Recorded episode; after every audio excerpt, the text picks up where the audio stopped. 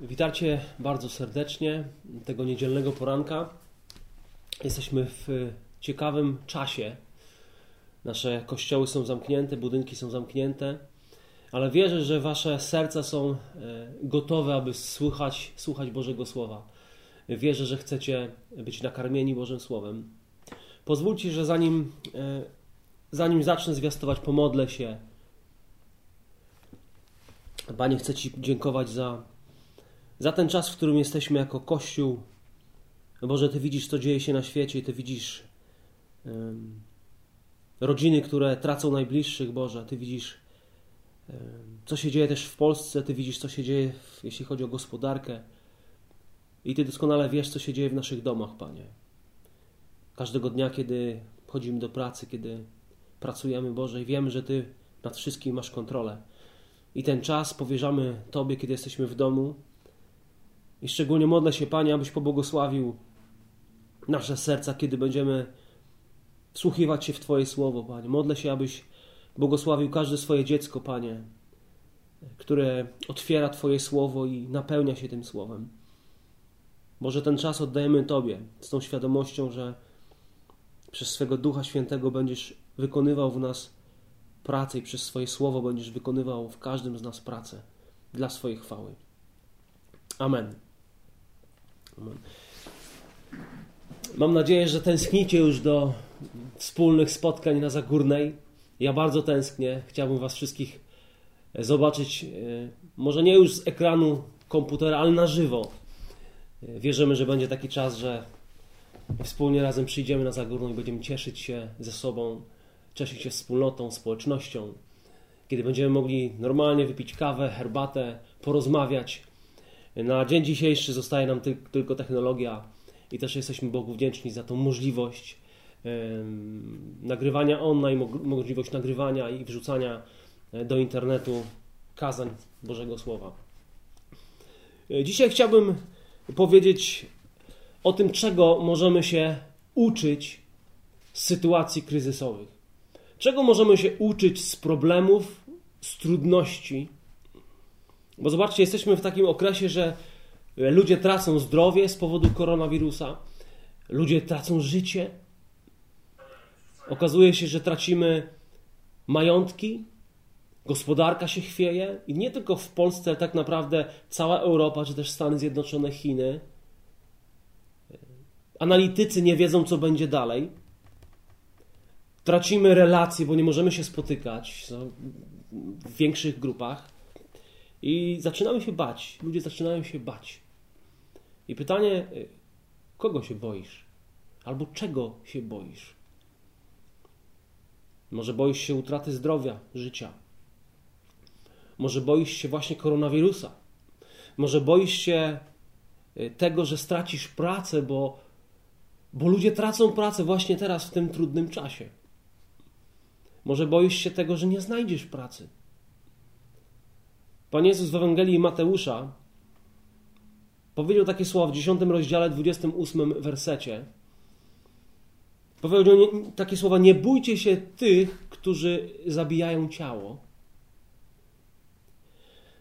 ale duszy zabić nie mogą. Nie bójcie się tych, którzy zabijają ciało, a potem już nie mają niczego do zrobienia. Bójcie się raczej tego, który może i duszę, i ciało zniszczyć w piekle. Pan Jezus powiedział: Bójcie się tego, który gdy zabija, ma moc wrzucić do piekła. Zaprawdę powiadam wam, tego się bójcie. Czego się boisz? Może problemów, ale tak jak powiedziałem, spróbujemy odpowiedzieć sobie na pytanie, czego możemy się uczyć z tych sytuacji trudnych, z problemów, z kryzysów.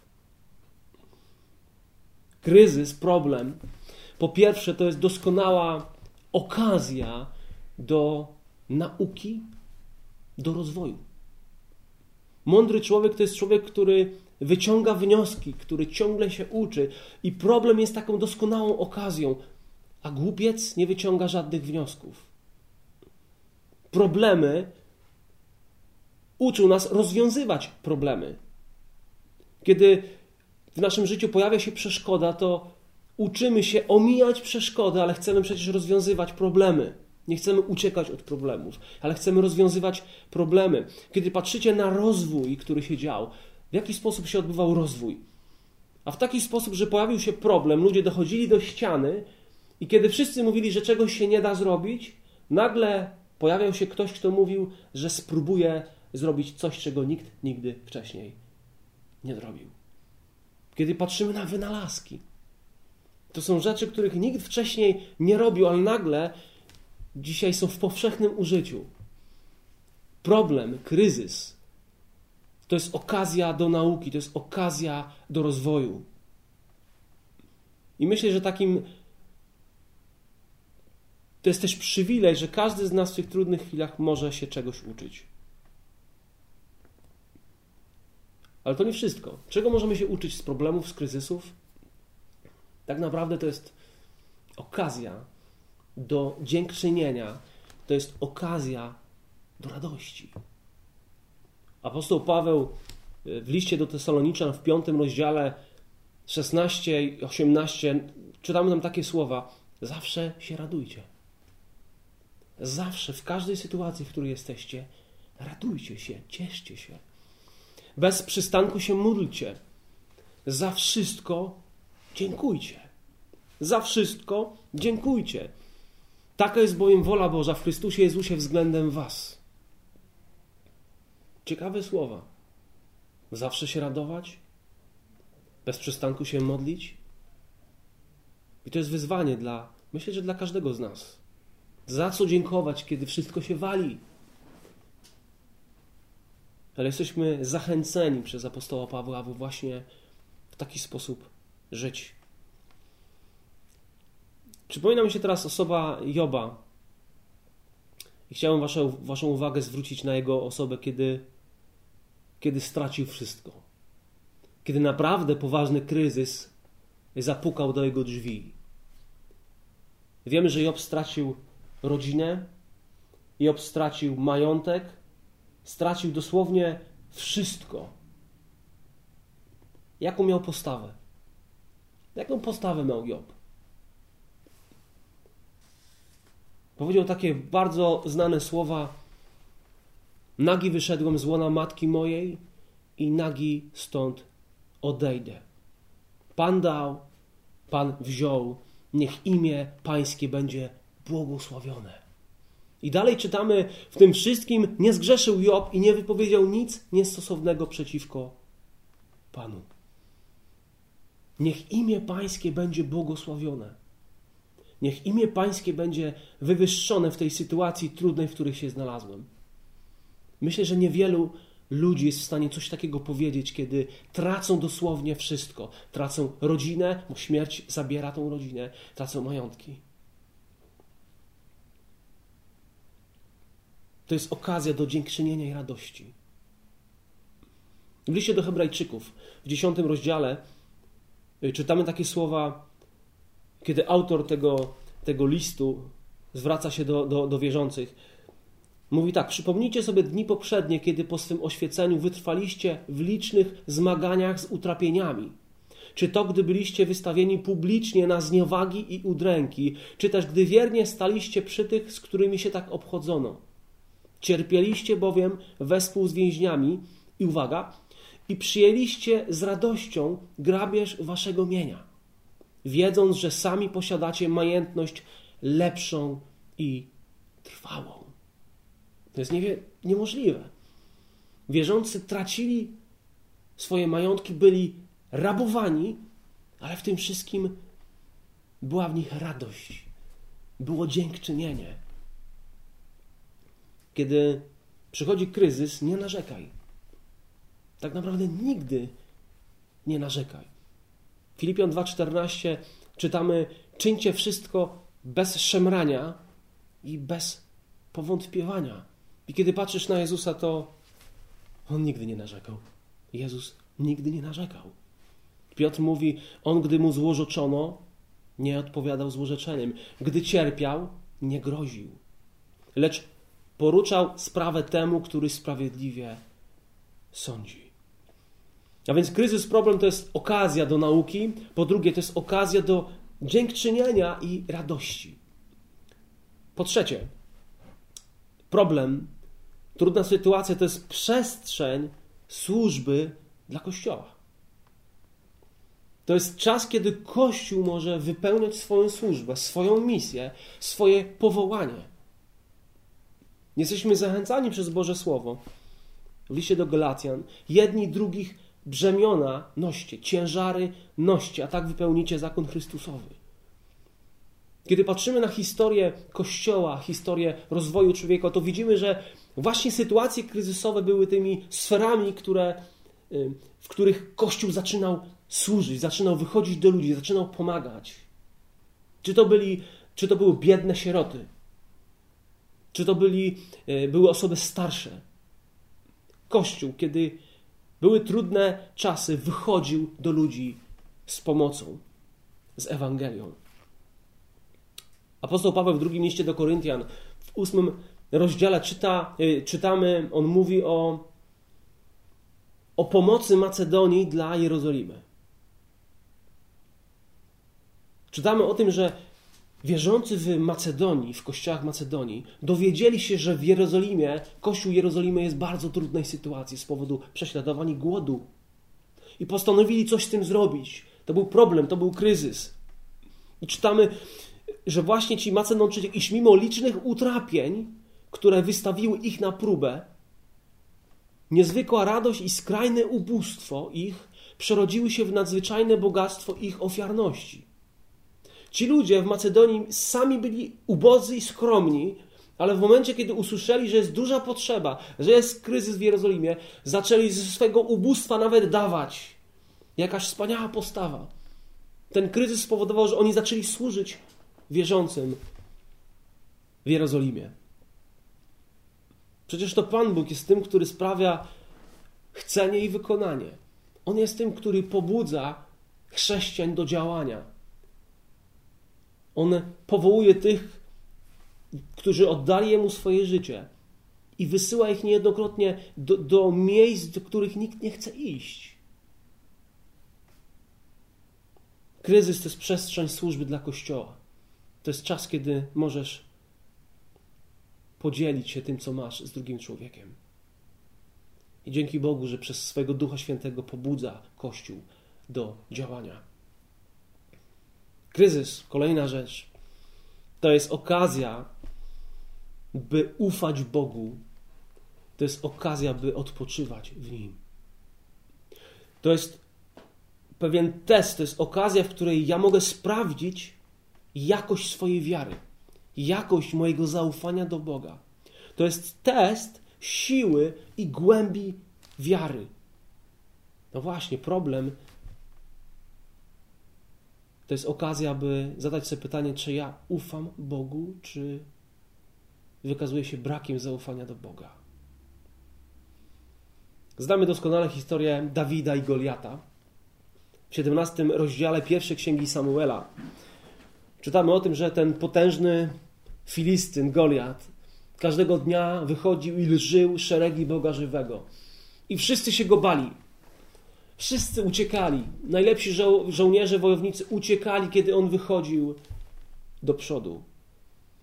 Ale znalazł się pewien młody, nieokrzesany człowiek, Dawid, który tak bardzo ufał Bogu, że postanowił zmierzyć się z tym olbrzymem i zwyciężył. Czytając tą historię, wiemy, że on miał zaufanie do Boga. Mówił Dawid do tego Goliata: Ty wychodzisz do mnie z całym tym sprzętem, a ja wychodzę do ciebie w imieniu mojego Boga i pokonam ciebie. I to zrobił. Dawid jest taką niezwykłą dla mnie osobą, przykładem i wzorem zaufania do Boga, wierzenia Bogu, w, tym samym, w, tym samej, w tej samej księdze, w pierwszej księdze Samuela, ale w 30 rozdziale czytamy o sytuacji, w której mm, kiedy Dawid razem z żołnierzami gdzieś był w ziemi filistyńskiej, w tym czasie Amalekici napadli na miasto, na Sykla Hebron, tam gdzie Dawid i jego wojownicy zostawili swoje żony, dzieci, dobytek, wszystko. W tym czasie Amalekici napadli i zabrali wszystko, zabrali ich rodziny, rodziny tych żołnierzy, dzieci, żony, y, dobytek po prostu ich uprowadzili. Kiedy Dawid z żołnierzami wrócił do tego miasta, ono było spalone i nikogo nie było. I czytamy o tym, że wszyscy zaczęli tak płakać. I Boże Słowo mówi, że Dawid znalazł się w bardzo dużym niebezpieczeństwie, w wielkim niebezpieczeństwie, gdyż lud zamierzał go ukamienować. Jego żołnierze byli tak rozgoryczeni, tak źli, być może go oskarżali, że gdybyśmy nie poszli do Filistynów, do ziemi filistyńskiej, to nasze rodziny by żyły, to byśmy mieli majątek. Czytamy, wszyscy bowiem byli rozgoryczeni z powodu straty swoich synów i córek. Ale wiecie, co powiedziano o Dawidzie? Lecz Dawid pokładał zaufanie w swoim Panu, swoim Bogu. Dawid był zależny od Boga. On wiedział, że to właśnie Bóg jest tym, od którego wszystko zależy. I dalej czytamy o tym, że kiedy puścił się razem z żołnierzami w pogoń, Dawid odzyskał wszystko. Odzyskał żonę, dzieci, wszyscy jego żołnierze odzyskali dokładnie wszystko, co zostało im zrabowane. W sytuacji kryzysu, w sytuacji wielkiego problemu, niebezpieczeństwa, Dawid ufał Bogu. Trudne chwile to są okazje, by nie tylko ufać, ale też odpoczywać w Nim. To są takie testy naszej siły i głębi naszej wiary. Zadam Ci pytanie, kto decyduje o Twoim życiu bądź śmierci? Koronawirus? Czy Bóg? Kto decyduje o Twoim życiu czy śmierci? Kto ma to ostateczne zdanie? Wiemy z Bożego Słowa, że Bóg. W drugiej księdze Samuela, kiedy czytamy o Dawidzie i jego walkach z Filistanami, czytamy o tym, jak pytał się Boga, ufał Bogu i Pan Bóg go prowadził w, w walce. I odważnie Dawid powiedział takie słowa: Pan przełamał moich nieprzyjaciół przede mną, jak przełamują się wody. Dlatego nazwał to miejsce Baal Perasim, co znaczy Pan przełomów. Dawid walczył z trudnymi wrogami, ale Bóg jest przecież Bogiem przełomów i przełamywał te jego problemy, przełamywał tych jego wrogów. I on dzisiaj wielokrotnie, Pan Bóg wielokrotnie robi to w Twoim życiu. On przełamuje Twoje problemy. On przełamuje Twoich wrogów, bo On jest Bogiem, On jest Panem przełomów. Paul Tree powiedział takie słowa: Odpocznienie serca w problemach nie znajduje się w zrozumieniu problemu, ale w zaufaniu Twojemu Ojcu, który rozumie to wszystko i panuje nad tym dla swojej chwały i Twojego dobra. Odpocznienie serca w problemach nie znajduje się w zrozumieniu problemu, ale w zaufaniu Twojemu Ojcu, który rozumie to wszystko i panuje nad tym dla swojej chwały i dla Twojego i mojego dobra. Kolejna rzecz. Problem czy kryzys to jest pewnego rodzaju lustro Twojego charakteru. Można przyrównać i powiedzieć, że to jest pewnego rodzaju taka prasa, która zaczyna wyciskać z ciebie to, co znajduje się w środku. Problem, tak naprawdę, kiedy przychodzi bardzo poważny problem czy kryzys, on pokazuje, co tak naprawdę kochamy, co tak naprawdę cenimy. I kiedy taka oliwka znajdzie się w prasie, jest ściskana, to zaczyna wypływać oliwa. Nie lubię takich sytuacji, w których e, znajduję się w centrum jakichś problemów, kiedy jest ciężko. Ale to jest prawda, że wtedy pokazuje się moje serce. Kiedy jestem sfrustrowany, zagniewany, to wszystko widać w sytuacjach kryzysu. Kiedy wracam do Joba, kiedy Job stracił wszystko, kiedy to wszystko zwaliło się na jego głowę, jego żona powiedziała do niego tak: Czy jeszcze trwasz w swojej pobożności? Złożecz Bogu i umrzyj. Odpowiedział jej: Mówisz, jak mówią kobiety nierozumne. Dobre przyjmujemy od Boga, Czy nie mielibyśmy przyjąć i złego? W tym wszystkim nie zgrzeszył Job swymi ustami. Prawdziwy ja i prawdziwa ty, albo prawdziwy ty, to ja i ty w samotności, kiedy nikt nie patrzy i robi się ciężko. To ja w kryzysie, to jest ten prawdziwy ja. Jak reaguje Sławek, kiedy traci grunt pod nogami? Jak reagujesz ty, kiedy, kiedy oczy, oczy zaczynają być pełne łez? Kiedy wszystko wali się na głowę? Otóż okazuje się, że jesteśmy skłonni do nerwów, do gniewu, do wybuchów, do krzyku. Ta sytuacja jest taka, taka prasa, która pokazuje, to właśnie jest w Twoim sercu. Niezaufanie do Bogu, do Boga. Może pycha pojawia się wtedy. Może rezygnacja, jakaś depresja się włącza. Trudne sytuacje, one pokazują Twój mój charakter. Co kochasz? Co cenisz? Może kiedy Twoja wygoda jest jak, w jakiś sposób zachwiana, zaczynasz się denerwować. Może tak jest dlatego, że kochasz wygodę, kochasz wygodne życie, dostatnie życie. W drugiej księdze kronik czytamy historię o Hiskiaszu, który, który był królem Izraela. W pewnym momencie czytamy o tym, że Pan Bóg zdał go na jego własne siły, wystawiając go na próbę, aby poznać wszystkie jego zamysły. To jest bardzo ciekawy fragment. Bóg go zdał na jego własne siły, aby poznać, jakie jest jego serce, jakie są jego myśli, komu on ufa. Kolejna rzecz. Szósta. Czego możemy się uczyć z problemów? To jest okazja do pokuty. To jest okazja do uniżenia. To jest okazja do pokory. To jest okazja do uświęcenia świętości. To jest okazja, kiedy, kiedy możemy pytać się, może ja coś narozrabiałem. To, co dzieje się w moim życiu, to może to jest z powodu mojej głupoty, to są konsekwencje moich głupich decyzji. Sąd Boży, kiedy czytamy Słowo, kiedy otwieramy Biblię, to, to widzimy, że Boży Sąd przychodził na człowieka z powodu grzechu. To była kara za grzech. Pan Bóg wielokrotnie ostrzegał, ale w końcu przychodziło, przychodziła kara. I kiedy robi się ciężko w Twoim życiu, może warto zadać sobie pytanie, w jakim stanie jestem dzisiaj? Jaka jest moje, moja relacja z moim Bogiem? Czy jestem tym, który trwa świętości?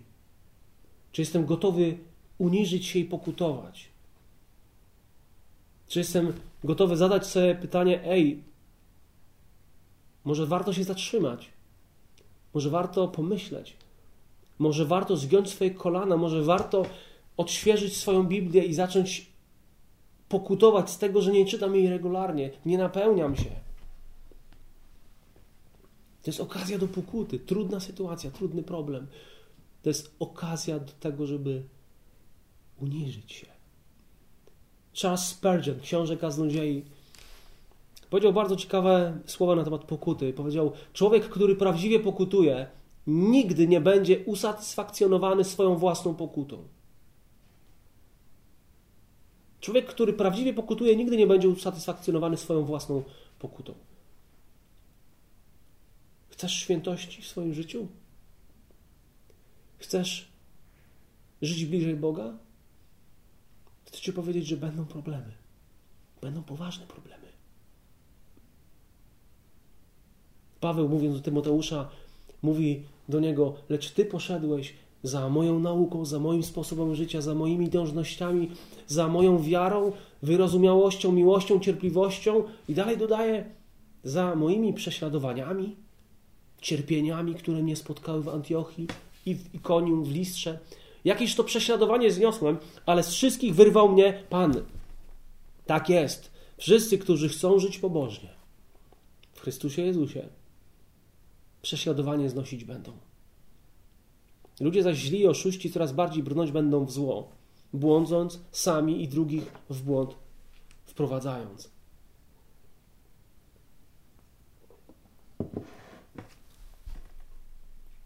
Świętość kosztuje.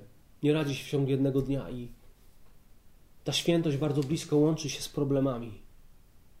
Ta świętość bardzo jasno jest widoczna w sytuacjach trudnych.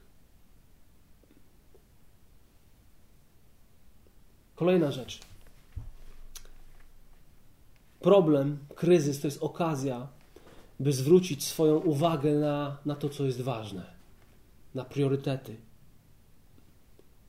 na to, co wieczne, na to, co w górze, w niebie, na to, co naprawdę ma wartość. To jest okazja, aby zwrócić swoje oczy na to, co duchowe, na to, co, co Boże, co Chrystusowe. Kryzys to jest czas, kiedy powinniśmy odwracać swoje oczy od rzeczy ziemskich, od materializmu, od porządliwości, od grzechu. I myślę, że to, co się dzieje teraz w Europie i na świecie, jest pewnego rodzaju dużym krzykiem dla człowieka, żeby się zatrzymał i upamiętał. To jest bardzo wyraźne pokazanie, jak mali jesteśmy. Że życie na tej ziemi to nie jest najważniejsza rzecz. Żeby posiadać, żeby mieć, żeby zarabiać, to nie jest najważniejsze. Najważniejszą wartością jest dusza człowieka, człowiek, który swoją wieczność może spędzić albo w miejscu, w którym jest Bóg, albo w miejscu, w którym go nie ma. To jest okazja, aby zwrócić uwagę na priorytety. Na to, co wieczne, a nie na to, co tymczasowe. A co jest wieczne? Bóg jest wieczny, który jest miłością, jest wieczny, niezmienny. Czytamy, że Boże Słowo jest wieczne. I tak jak powiedziałem wcześniej, dusza ludzka, człowiek jest istotą wieczną. Jego ciało przeminie, ale jego dusza nigdy. A więc wieczne, a nie tymczasowe. W sytuacji kryzysu zwróć uwagę na to, co duchowe, a nie materialne, a nie cielesne. Zwróć uwagę na to, co odbija charakter i działanie Pana Boga. Szukaj tego, co jest dojrzałe, Chrystusowe, Boże. I w tym wszystkim też ważne jest, żebyśmy byli gotowi, bo to jest gotowość, a nie zdolność. Przede wszystkim liczy się dla Pana Boga. Czy jesteśmy gotowi w tej trudnym kryzysie coś zrobić dla Niego? Czy jesteśmy gotowi Jemu zaufać? Czy jesteśmy gotowi pójść tam, gdzie On tego chce? Gdzie posyła nas i powołuje nasz Bóg? A więc, kiedy przychodzi kryzys, zwróć swoje oczy na, na to, co ważne. Swoje życie, swoje serce. Kolejna rzecz. Kryzys to jest okazja do tego, aby, aby moc Boża i Boża chwała się objawiły. To jest doskonała okazja do tego, aby Pan Bóg zaczął działać. John Piper, amerykański pastor, kaznodzieja, powiedział takie słowa, że celem Boga, nadrzędnym celem jest ukazanie wielkości chwały Jego łaski nadrzędnie w cierpieniach Jego Syna. I kiedy pojawia się, pojawia się kryzys, pojawia się problem, to zazwyczaj modlimy się, Panie, zabierz ten problem. Panie, zabierz tą osobę, która to powoduje. Panie, y, pomóż, usuń, pomóż mi przez to przejść, często ominąć to. Ale kiedy czytamy y, i zwracamy swoją uwagę na pierwszy kościół, to widzimy, że oni nie modlili się o usuwanie problemów, tylko Panie, daj mi siły, żebym mógł robić Twoją wolę. Żebyśmy my, jako Twój lud, mogli z odwagą głosić Twoje słowo, kiedy nam się zabrania to czynić. Jak, jakże inna postawa. W kryzysie nie módl się o brak cierpienia, ale módl się o moc, aby przejść trudne chwile. Moc w cierpieniu, moc w kryzysie, mądrość w tym, w tej sytuacji, w której się znajdujesz, aby Boża moc, Boża chwała mogły się objawić. Widzimy to w jakiś sposób niezwykły Pan Bóg działał, kiedy, kiedy Daniel został wrzucony do lwiej jamy kiedy jego przyjaciele zostali wrzuceni do pieca, kiedy pierwszy kościół miał zabronione zwiastować Boże Słowo, kiedy Dawid był w różnych sytuacjach, trudnych, często niemożliwych, Pan Bóg zaczął wkraczać, kiedy człowiek stawał się słaby. Bóg suwerennie, suwerennie działa, jest wszechmogącym, wszechobecnym, miłującym Bogiem. I czytamy w liście do Koryntian, że dotąd nie przyszło na was pokuszenie, które by przekraczało siły ludzkie, lecz Bóg jest wierny. On jest wierny i nie dopuści, abyście byli kuszeni ponad siły wasze, ale z pokuszeniem da i wyjście, abyście je mogli znieść. John Piper, mówiąc o, o tym nadrzędnym celu, o Chrystusie, mówi, że wiecie, czego dzisiaj świat potrzebuje? Mówi, że świat dzisiaj potrzebuje zobaczyć cierpiący Kościół. I ludzi, którzy są dziećmi Bożymi i cierpią w taki sposób, że są gotowi przyjąć, na, przyjąć naprawdę wielkie prześladowanie, i Kościół musi zobaczyć, jak ci ludzie się zachowują w cierpieniu, w prześladowaniu, że oni nie tracą nadziei, że oni nie tracą radości. Brakuje w nas prezentacji cierpienia. Kiedy John Piper mówił o historii misji, to mówił, że co jest odpowiedzią dla tego świata? On mówi cierpienie, to są trudne słowa. I mówi, nigdy nie było przełamania do nowego miejsca lub grupy kulturowej bez cierpienia. I jeśli chcesz być sługą Bożym, chcesz być misjonarzem, chcesz być w tej misji Chrystusowej, chcesz zwiastować Ewangelię, John Piper powiedział: Pamiętaj, ból, strata dziecka, malaria, konflikty małżeńskie, napięcie w zespole, demoniczna opozycja, męczeństwo to nadejdzie i nie dziw się, kiedy nadchodzi. Dzisiaj, jako wierzący, możemy się dziwić, kiedy coś złego, nawet najdrobniejszego się dzieje. To często mówimy, Panie, co się dzieje? Jak to jest? Chyba tak nie powinno być.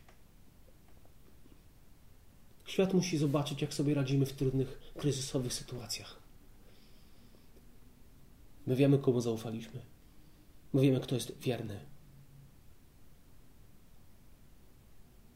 W całej Biblii znajdujemy chrześcijan, którzy są w ucisku, ale się radują w tym ucisku.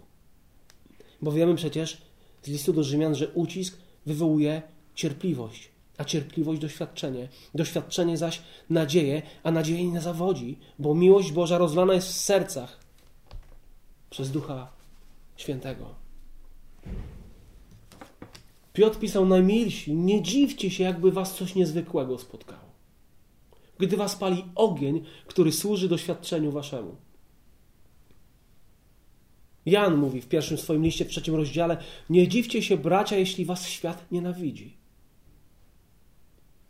Jakub z kolei w pierwszym rozdziale, na początku swojego listu mówi: Poczytujcie to sobie za najwyższą radość, bracia moi, gdy rozmaite próby przechodzicie, wiedząc, że doświadczenie wiary waszej sprawia wytrwałość, wytrwałość zaś niech prowadzi do dzieła doskonałego, abyście byli doskonali i nienaganni, nie mający, nie mający żadnych braków. A jeśli komu z was brak mądrości, niech prosi Boga, który wszystkich obdarza chętnie i bez wypominania, a będzie mu dana.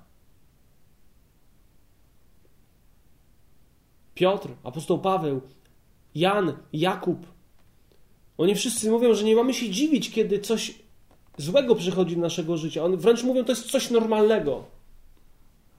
To jest coś, z czym pierwszy Kościół był zaznajomiony. To była codzienność.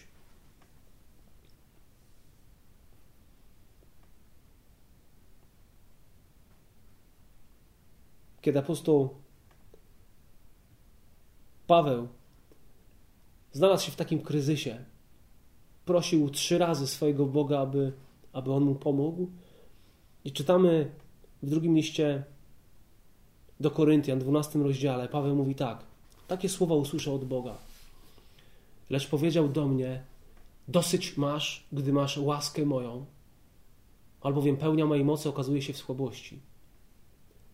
Najchętniej więc chlubić się będę słabościami, aby zamieszkała we mnie moc Chrystusowa. Dlatego mam upodobanie w słabościach, w zniewagach, w potrzebach, w prześladowaniach, w uciskach dla Chrystusa. Albowiem kiedy jestem słaby, wtedy jestem mocny. Moc Boża objawia się w sytuacjach, kiedy dochodzimy do krańców swoich możliwości. Kiedy już nie mamy sił, kiedy już nie mamy rozwiązania, kiedy już nie mamy wyjścia, kiedy nie wiemy, co, co zrobić kiedy czytasz o apostole Pawle, on wielokrotnie mówi, że już myślał, że jego życie się skończy. Był w wielu niebezpieczeństwach. Jednak w tym wszystkim mówi, Pan Bóg zaczął działać. W takiego Boga wierzymy. Takiemu Bogu ufamy. I kiedy tak myślę sobie o tym, co się dzieje na świecie, ludzie panikują, czasami wierzący się boją, zadaję sobie pytanie, jakim kościołem mamy być? Czy naprawdę Kościół e, ma się bać? Ma kulić ogon? Nie mówię tutaj, żeby stawać okoniem i, i zrobić coś wbrew temu, co zostało powiedziane przez rząd. Ale jaka jest nasza postawa względem trudności i problemów? Tak sobie myślę, może jako Kościół, to co się dzieje wokół nas, to dobrze, że się dzieje. Bo może jako Kościół musimy wszystko stracić, aby zobaczyć tak naprawdę, co mamy. Może musimy wszystko stracić, żeby świat zobaczył Kościół, który prawdziwie jest zależny tylko i wyłącznie od Boga. Tak naprawdę nic nam się nie należy, słuchajcie. Nic nam się nie należy. Bóg nie jest nam niczego winien. To, co masz, to, co ja mam, to wszystko to jest z łaski Bożej. To jest Jego dar. I kiedy czytamy Boże Słowo, to zdaję sobie z tego sprawę, że naprawdę każdy z nas za, zasługuje na najgorsze. Zasługujemy naprawdę na o wiele gorsze rzeczy niż jakiś koronawirus. W Ewangelii Łukasza, 13 rozdziale, czytamy takie słowa. W tym samym czasie przybyli do, do niego niektórzy z wiadomością o Galilejczykach, których krew Piłat pomieszał z ich ofiarami. I odpowiadając, rzekł do nich Pan Jezus: Czy myślicie, że ci Galilejczycy byli większymi grzesznikami niż wszyscy inni Galilejczycy, że tak ucierpieli? Bynajmniej, powiadam wam, lecz jeżeli się nie upamiętacie, wszyscy podobnie poginiecie. Albo czy myślicie, że owych osiemnastu, na których upadła wieża przy Syloe i zabiła ich, było większymi winowajcami niż wszyscy ludzie zamieszkujący Jerozolimę?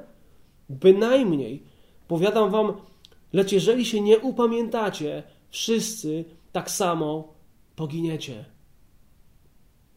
Największym problemem człowieka jest grzech, brak upamiętania z powodu tego grzechu. To jest największy problem, prawdziwy problem. I każdy z nas, każdy człowiek bez Chrystusa zasługuje na potępienie. Ale z łaski Bożej każdy z nas jest tym, czym jest.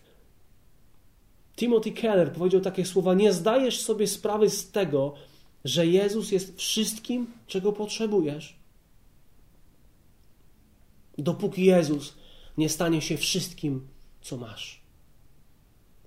Nie zdajesz sobie sprawy z tego, że Jezus jest wszystkim, czego potrzebujesz, dopóki Jezus nie stanie się wszystkim, co masz.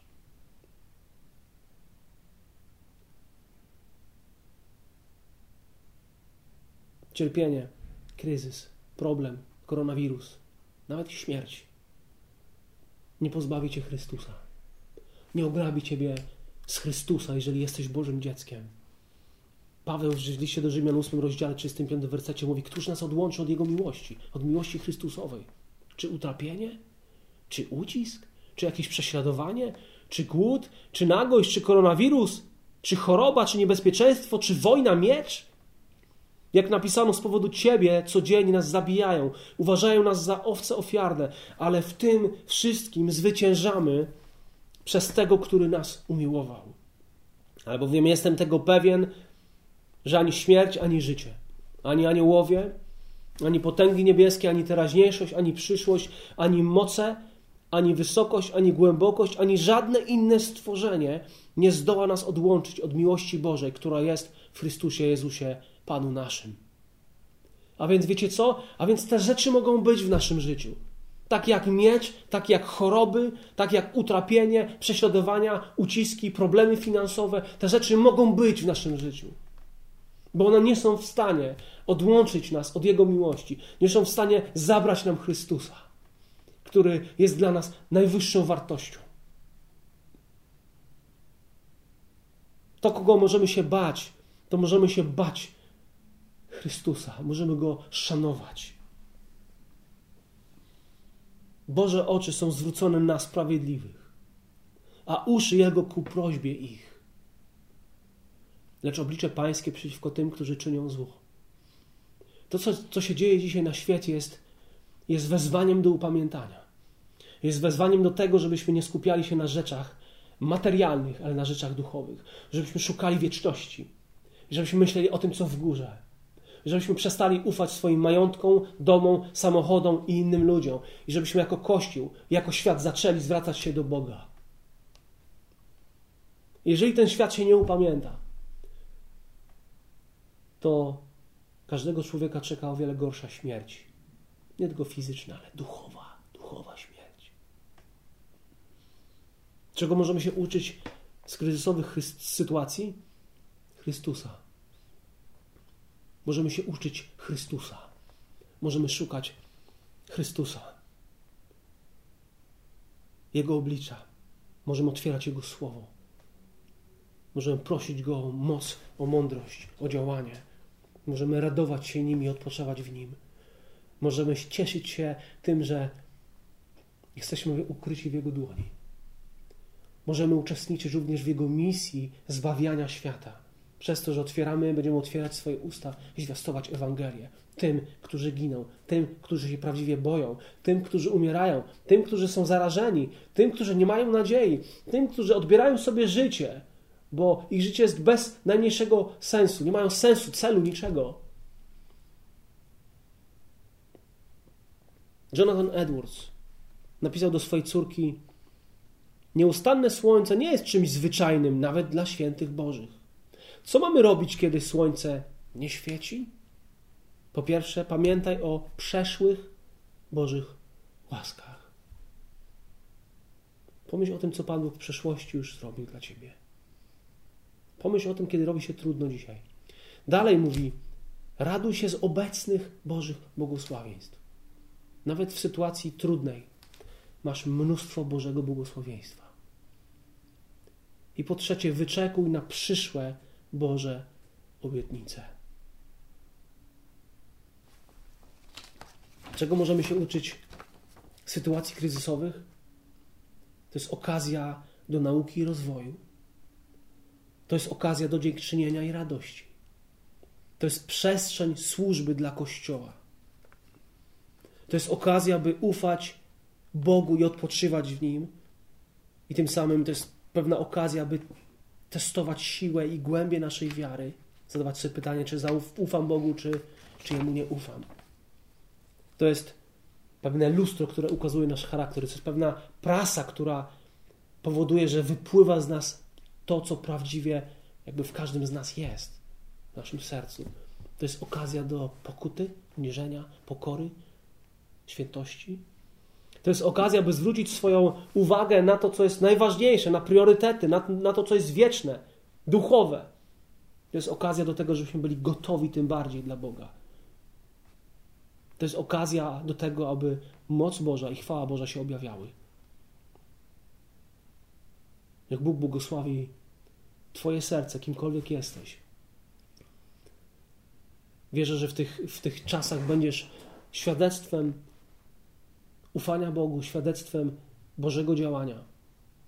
Wierzę gorąco w to, że będziesz doświadczał Bożej pomocy w chwilach trudnych.